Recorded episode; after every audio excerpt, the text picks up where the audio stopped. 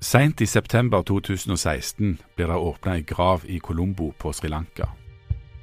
Kroppen har ligget i jorda i nesten åtte år, så det er som kommer opp et dresskledd skjelett. En av de som skal være med på å identifisere liket, kjenner umiddelbart igjen sin tidligere redaktør. Han hadde alltid så fine tenner. I New York sitter enka etter mannen i grava og lurer på om hun nå endelig skal få vite hvem som tok livet av ektemannen, og som gjorde at hun måtte flykte fra heimlandet. Dette høres kanskje mest av alt ut som en blodig krim, men det er òg en historie om håp, om optimisme, og om at endring til det bedre er mulig.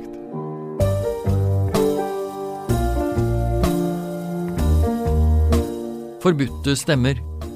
En podkast i fem deler fra Stavanger Aftenblad om kampen for ytringsfriheten. Om de som må flykte, og de som blir igjen.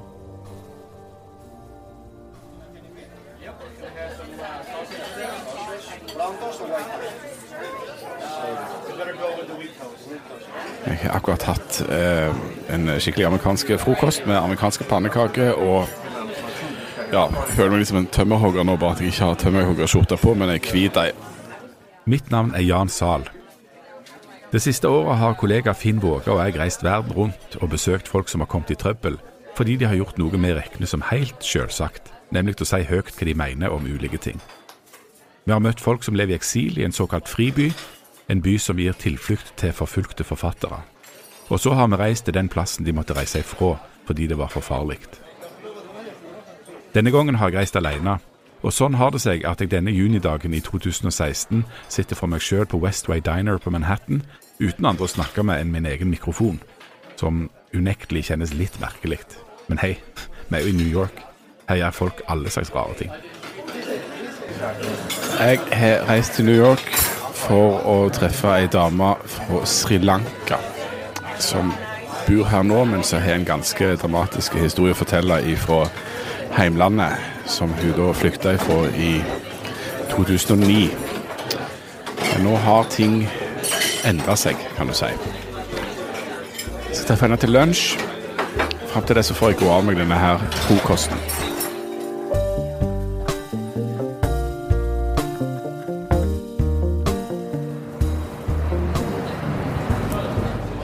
There are animals that are becoming extinct because of the kind of plastics that we are putting in the pollution that is in the sea, the seabed. Sonali Samarasinghe sitter på et lite torg noen få hundre meter fra FN-hovedkvarteret på Manhattan. Rundt oss sitter mange andre dress- og draktkledde representanter for den gode viljen og for det verdensdiplomatiet Sonali har blitt en del av. Akkurat denne uka er hun opptatt av en stor kongress om havet. Sri Lanka er ei øy. Havet, klimaet, forurensninga er ekstremt viktig for Sri Lanka. og Derfor snakker Sonali engasjert om hva som nå må gjøres. So the only thing to do is damage control. Like, do not do any more damage. Det er, ikke minst for Sonali sjøl, overraskende at hun sitter her i dag i denne rollen. Sonali jobber nå som diplomat for heimlandet Sri Lanka. Landet der hun tidligere var kritisk journalist og redaktør. Landet hun i 2009 måtte flykte fra i frykt for sitt eget liv, etter at mannen, som òg var redaktør, hadde blitt drept. Hva hadde endra seg siden den gangen? We had what was um, called al- almost miraculous change in government in January 2015, which a lot of people did not expect this to happen. The people in Sri Lanka actually stood up, the officials as well, uh, and said, "No, we are not going to, you know, let you manipulate this this time." I FN snakker en om det nesten som et slags mirakel. For i januar 2015 gikk befolkninga på Sri Lanka til valgurnene og stemte ut den sittende og stadig mer autoritære presidenten. Inn kom opposisjonen. Folk Sonali støtta. Og derfor så sa hun altså ja til å representere landet hun flykta ifra, livredd og deprimerte, i januar 2009. This new government came on a platform which was totally different from from the previous regime. So it was um, um, it was an approach of reconciliation. It was an approach of transitional justice and accountability, and they have done certain things since 2015 that make you believe that there is a great commitment to change. Ja, på en måte så kunne vi jo bare slutte her. For Sonali er jo ikke fribyforfatter lenger, sånn hun var i byen Ithaca i staten New York i 2013. Og det autoritære regimet på Sri Lanka det sitter jo ikke med makta lenger. Så da er det kanskje ikke så mye mer å si. Å jo da. For om Sonali sitter her og er optimistiske på vegne av heimlandet og framtida, så finnes det fremdeles åpne sår fra fortida. Det viktigste spørsmålet for Sonali er å finne ut av hva som egentlig skjedde med mannen. Ble han drept pga. journalistikken han sto for? Hvem var det i så fall som tok livet av han? Var det makthaverne på Sri Lanka? Dette er det den nye etterforskninga skal prøve å finne ut av. Men det er ikke lett etter at den gamle etterforskninga har stått stilt i sju lange år. Stonewall um, a murder investigation for seven years and then you try to reopen it seven years later, it's extremely difficult.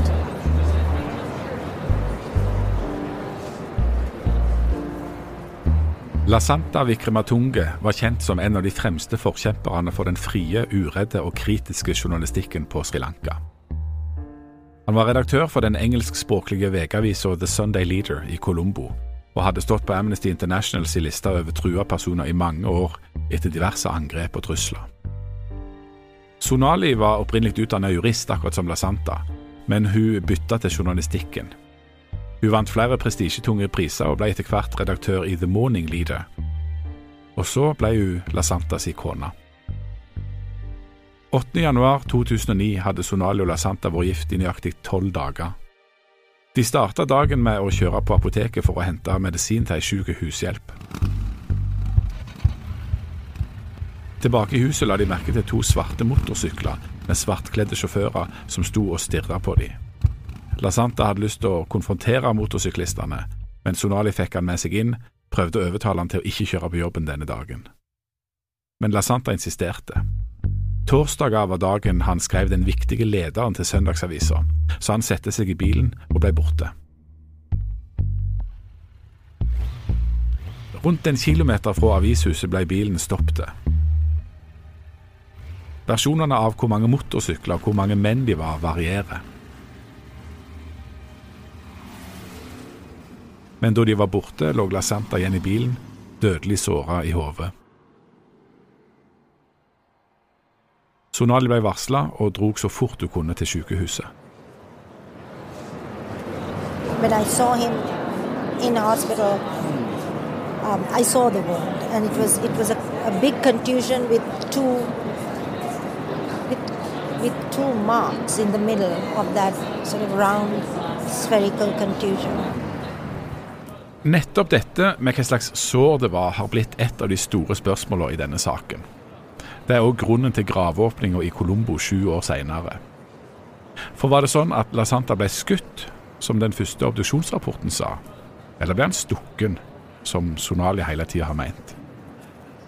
Sjøl mener Sonali at forvirringa som oppsto allerede fra første dag, var en viktig strategi for myndighetene for å gjøre det vanskelig å komme til bunns i hva som egentlig skjedde med La Santa. The government medical officer um, said it was at first he said it was a gunshot wound, then he retracted and said no, it was not. The reason was to confuse the evidence so that a later government who was willing to act on the investigation would would not find proper evidence because it would be botched. So um, that was what I said that they, at the very initial state, stages, they tried to confuse.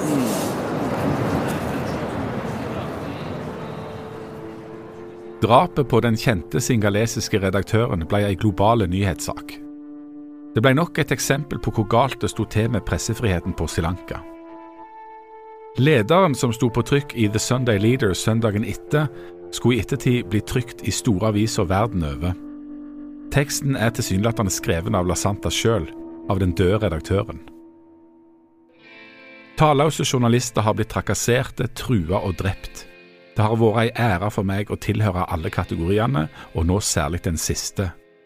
Når jeg til slutt blir drept, kommer det til å være myndighetene som dreper meg, står det i en sjelden sterk tekst om den frie journalistikkens rolle på en plass der det virkelig koster. Artikkelen blir avslutta med et dikt La Santa hadde huska fra ungdommen, skrevet av den tyske pastoren Martin Niemøller mens han satt fengsla av nazistene. Først kom de og tok sosialistene, og jeg sa ingenting, for jeg var ikke sosialist. Så kom de og tok fagforeningsfolka, og jeg sa ingenting, for jeg var ingen fagforeningsmann. Så kom de og tok jødene, og jeg sa ingenting, for jeg var jo ingen jøde. Så kom de og tok meg, og det var ingen igjen til å si noe.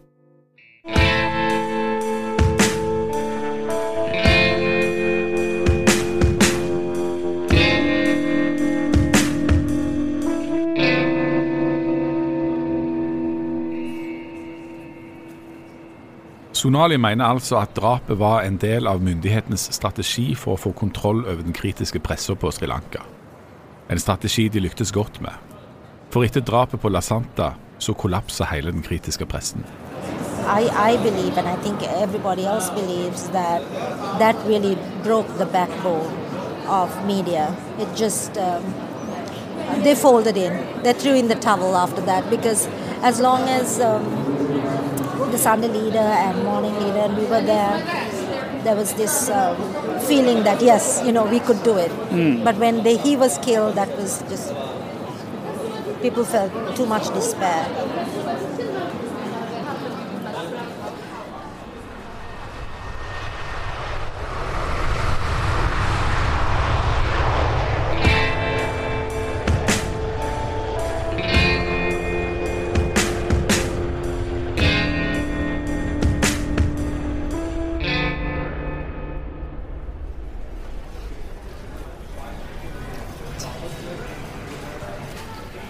Ja vel, Finn. Da sitter vi av alle plasser i verden på en flyplass i Mumbai i India eh, og er på vei til Sri Lanka.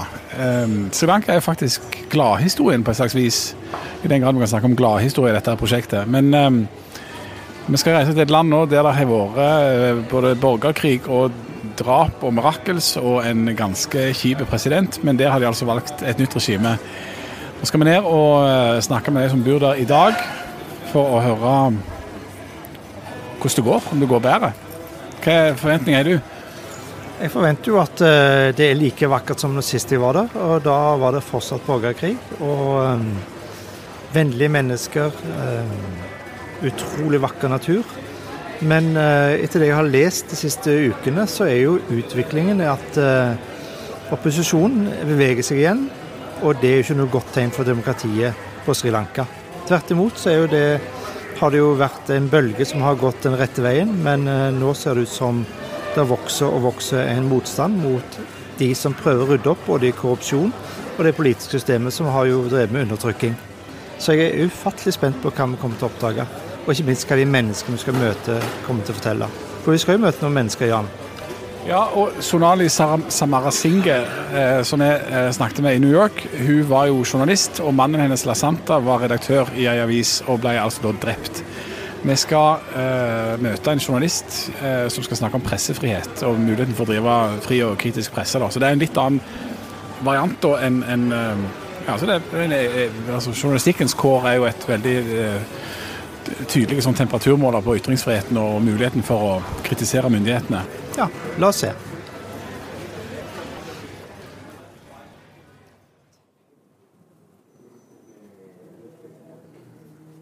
So I was so unfortunate to see his uh, skeleton. Jeg var så uheldig at jeg måtte se skjelettet hans. Der har du en setning du sjelden vil høre. Men det er altså dette Nirmala Kinangara sier her vi sitter på sjefredaktørens kontor i The Sunday Leader, La Santas gamle avis.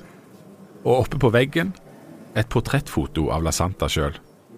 Den døde redaktøren er her på et vis ennå.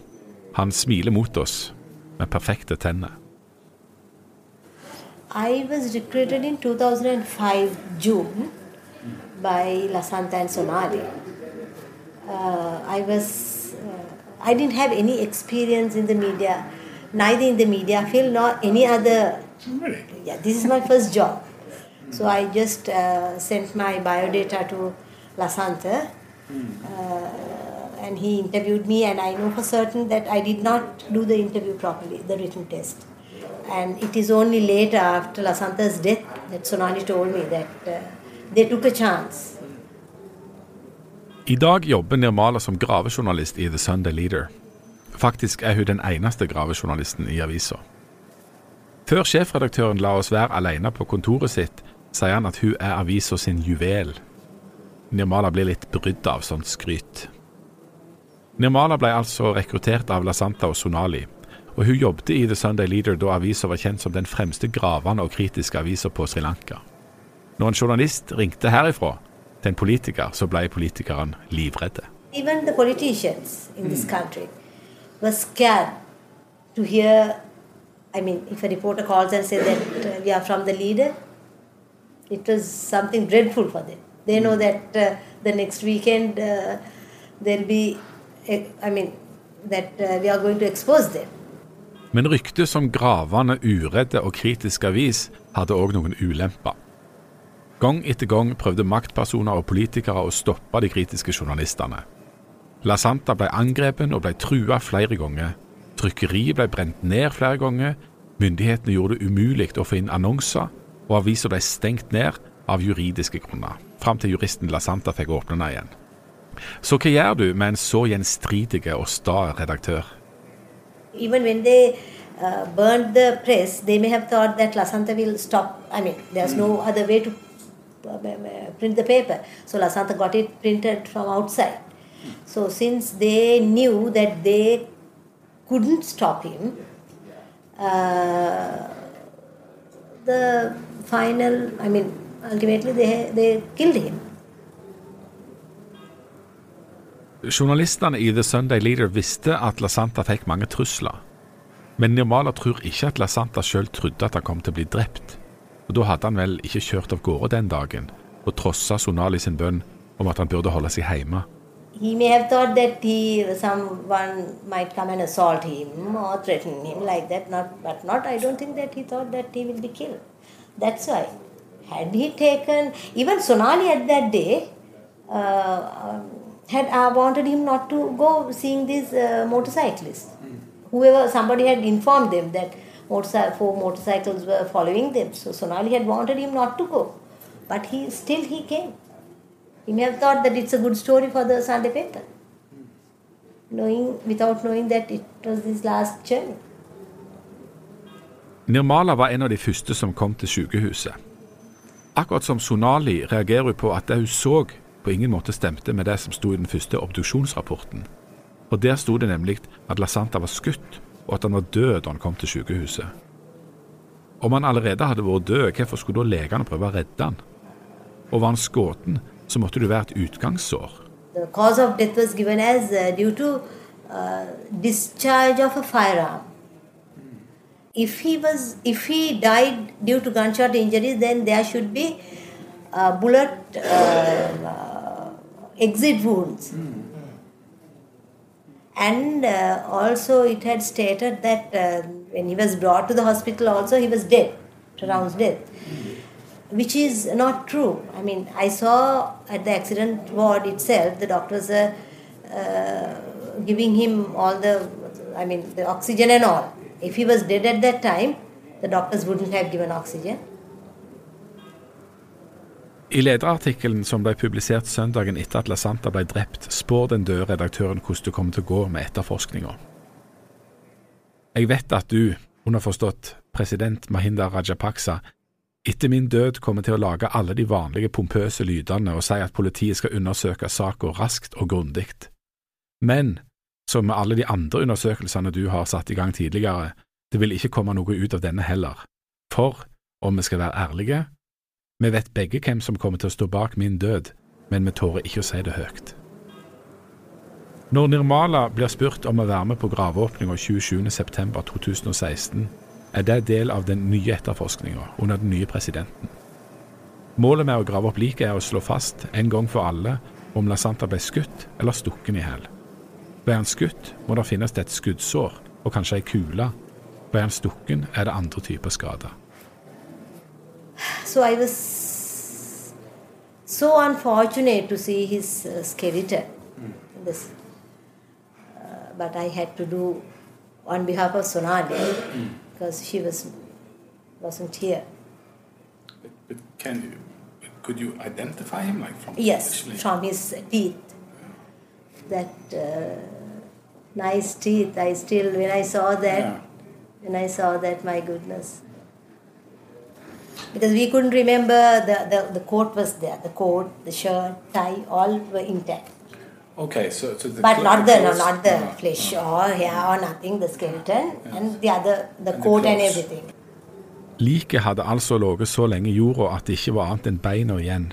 Beina og klærne. Det var et dresskledd skjelett. Men det var altså ikke vanskelig å se at dette var La Santa. Han hadde jo alltid så fine tenner. Men den følelsesmessige belastningen med å være med på ei graveåpning og måtte identifisere din tidligere sjef, er forferdelig. I think after my parents' death, that was the most uh, sorrowful event that I had to face. I really I cried uh, because thinking that it was this person who offered me this job. Hvordan gikk det med The Sunday Leader og The Morning Leader etter at La Santa var drept og Sonali hadde flykta et par uker seinere? The Morning Leader gikk inn. The Sunday Leader ble etter hvert kjøpt opp av det mange mente var en stråmann for presidenten. I den perioden kunne nesten ikke Nirmala skrive om noen ting, og i alle fall ikke om presidentens familie. Yeah, at that time we couldn't write anything. I couldn't write anything. We were not only against Rajapakshas, Hun prøvde å si flere ganger, men oppsigelsen ble ikke akseptert. they didn't uh, allow me to leave. So I, finally, I wanted them to give me a list of names whom I can't write, but they said no, no, no, only against Rajapakshas. Anyway, after the mm, fall of the regime, uh, a supporter of this uh, present regime had taken over, Uh, and uh, now we have the freedom. Nå mener altså Nirmala at hun er fri til å skrive det hun vil, selv om det er vanskelig å fylle tomrommet etter La Santa og Sonali, og avisa ikke holder samme nivå som før. Now we are enjoying that freedom. No more threats, no more abductions. I think more than anyone else in this country, the journalists uh, have felt that freedom after the fall of the previous regime. Det er ikke sånn å forstå at Nirmala går god for alt det de nye makthaverne gjør. Hun ser ikke på seg selv som noen politisk aktivist, men som en gravende journalist som skal avdekke kritikkverdige forhold samme hvem som står bak. Men for sin egen del, som journalist, mener hun altså at regimeskiftet har vært særdeles viktig. Fra å være et av de farligste yrkene du kunne ha på Sri Lanka, mener hun det nå er helt trygt å være journalist. I, I won't say that what they do now is 100% correct, but uh, from my point of view as a journalist, I always praise them for giving us the freedom to write.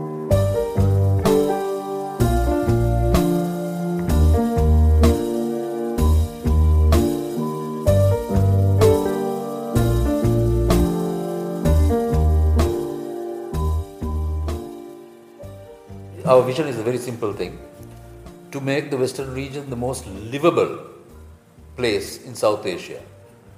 Yeah, and I think it already is. Ajita de Costa mener Colombo-regionen er den beste plassen å bo i hele Sør-Asia.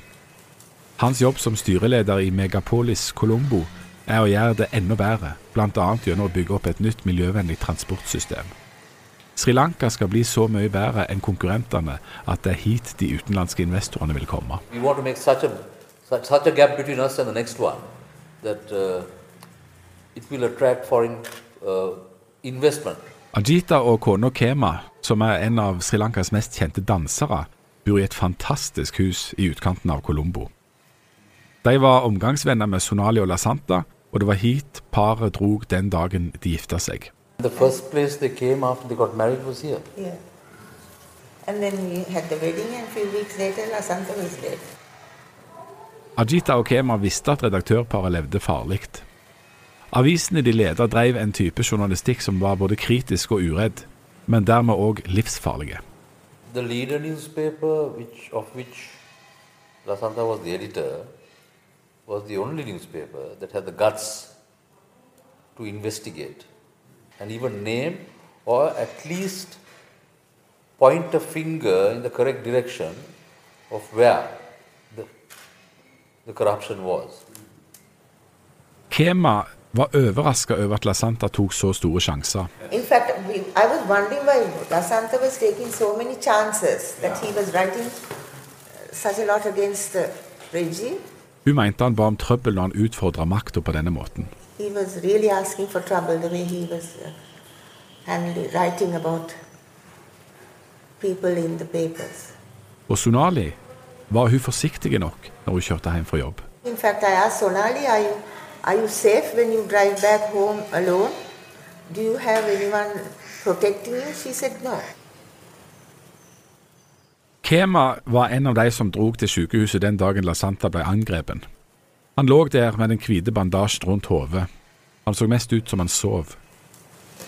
They brought him out and I had, went and had a look. And when I looked at him, he had this thing around his head. Apart from that, he looked as though he was sleeping. Then Sonali was in shock and then there were so many people there. And suddenly, only Solani, me and her sister were left and uh, one other politician. Hva skulle skje med Sonali nå når mannen var død? Om ektemannen var mer kjent, mener Ajita at Sonali sin undersøkende journalistikk var like sterke som det La Santa sto for. I think that Sonali's investigative journalism is as strong, at least as strong, or very close to Lasanta's. Yes. Dermed var det liten tvil om at Sonali sitt liv òg var i fare. Hun torde ikke å bo hjemme lenger. Noen dager etter drapet på La Santa storma det to menn inn i huset der Sonali sin mor fremdeles bodde. De krevde å få vite hvor dattera var, men ikke engang mora visste. Sonali sjøl var i sjokk. Hun prøvde å gå inn i redaktørrollen etter ektemannen, men var forvirra, redd og deprimerte. Hva skulle hun gjøre?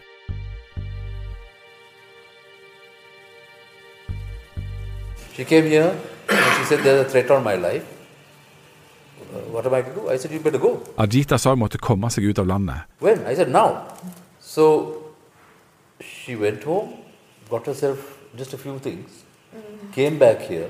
She had no money, so I, whatever money I had, I gave her. Han ga henne det han hadde av penger, og de klarte å smugle henne ut ved hjelp av en utenlandsk ambassadør.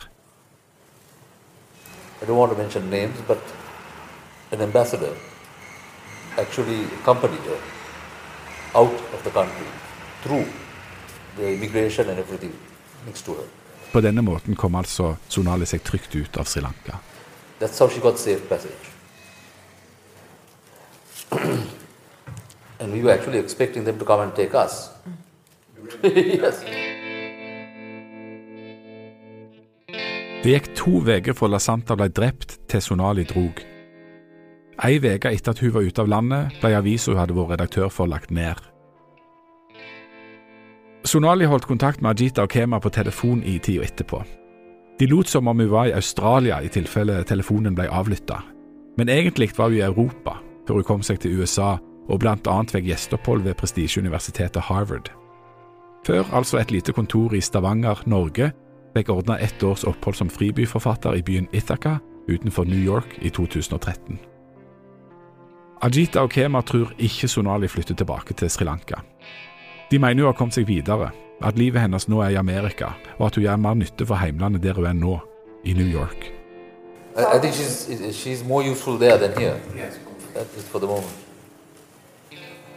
Hva tenker Sonali sjøl der hun sitter i New York? Ser hun for seg å dra tilbake til Sri Lanka? Nå er det jo ikke farlig for henne lenger, hun jobber ennå til for det nye regimet. Men så enkelt er det ikke. Det er ikke lett å vende tilbake etter mange år i eksil. You know, this is a practical thing that people always ask exiles. Oh, will you return home? As if it's the easiest thing to in the world, having left, having had to leave everything, start life afresh, and wait seven, eight, ten years, and then immediately something happens, you go back and you can start life there. It doesn't work that way. You have to find a job. Your job is not there anymore. And uh, I mean, all these things uh, have to be looked at. So um, it's not easy. Sonali er optimistisk på heimlandet sine vegne, om enn en realistisk optimist. Hun ser at alt ikke er på plass, at det tar tid å rette opp i all den uretten, korrupsjonen og alle feilene som er gjort gjennom mange år. Etter den lange, blodige borgerkrigen mellom tamiler og singalesere er Sonali langt ifra den eneste som venter på svar om hva som skjedde med familiemedlemmer og kjære som har blitt borte. Men Sonali er optimist òg med tanke på etterforskninga av hva som skjedde med La Santa. I am, I am aware that they are uh, going ahead with the investigation in a very systematic way. Um, there are some very good uh, officers who are on the case now, and I am also aware that they're making progress. Obduksjonsrapporten som ble lagt fram etter graveåpninga i september 2016, viser at Sonali hadde rett. La Santa ble ikke skutt, han ble stukken i hjel. Fem måneder senere blir fem militære etterretningsoffiserer arresterte for drapet. Etterforskerne finner ut at det forrige regimet hadde en egen hemmelig dødsskvadron som hadde som oppgave å ta ut journalister og dissidenter. Den nye etterforskninga ser altså ut til å bære frukter, selv om ingen ennå er dømt. Men ett spørsmål sitter jeg altså igjen med i denne saka, som med de andre vi har møtt i serien vår om de forbudte stemmene. Hvorfor slutter de ikke bare? Hvorfor holder de ikke kjeft når de risikerer livet på å snakke? You, you know you can't come to a certain point and give your entire life to some cause and um, and then stop before before you feel that uh, it has been achieved or, or that uh, you know there has been an impact. So um, that's why we did not give up. And we we did find it very dangerous. My husband i have to say was fearless.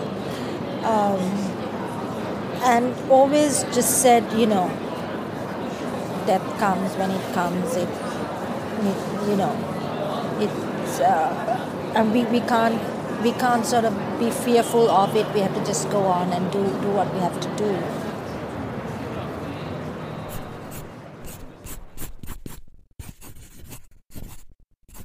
I Paris sitter en sjølerklærte feiging. Manan Yastani forsto at han levde farlig som satiretegner i Iran. Derfor slutta han. Og så begynte han med uskyldige tegninger for barn i plassen. Men en dag skrev han et ord inn i en barnetegning. Ett eneste uskyldig ord, og så var helvete løst. Du lurer kanskje på hva det ordet var, hæ? Neste gang i Forbudte stemmer.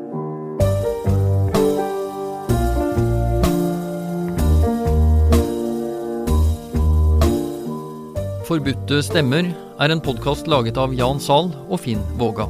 Redigert av Rune Vanvik, og musikken er laget av Geir Zahl og Simen Solli Skøyen. Prosjektet er støttet av Fritt Ord, og du kan lese hele historien på aftenbladet.no, eller i Stavanger Aftenblad. Som du forresten bør abonnere på.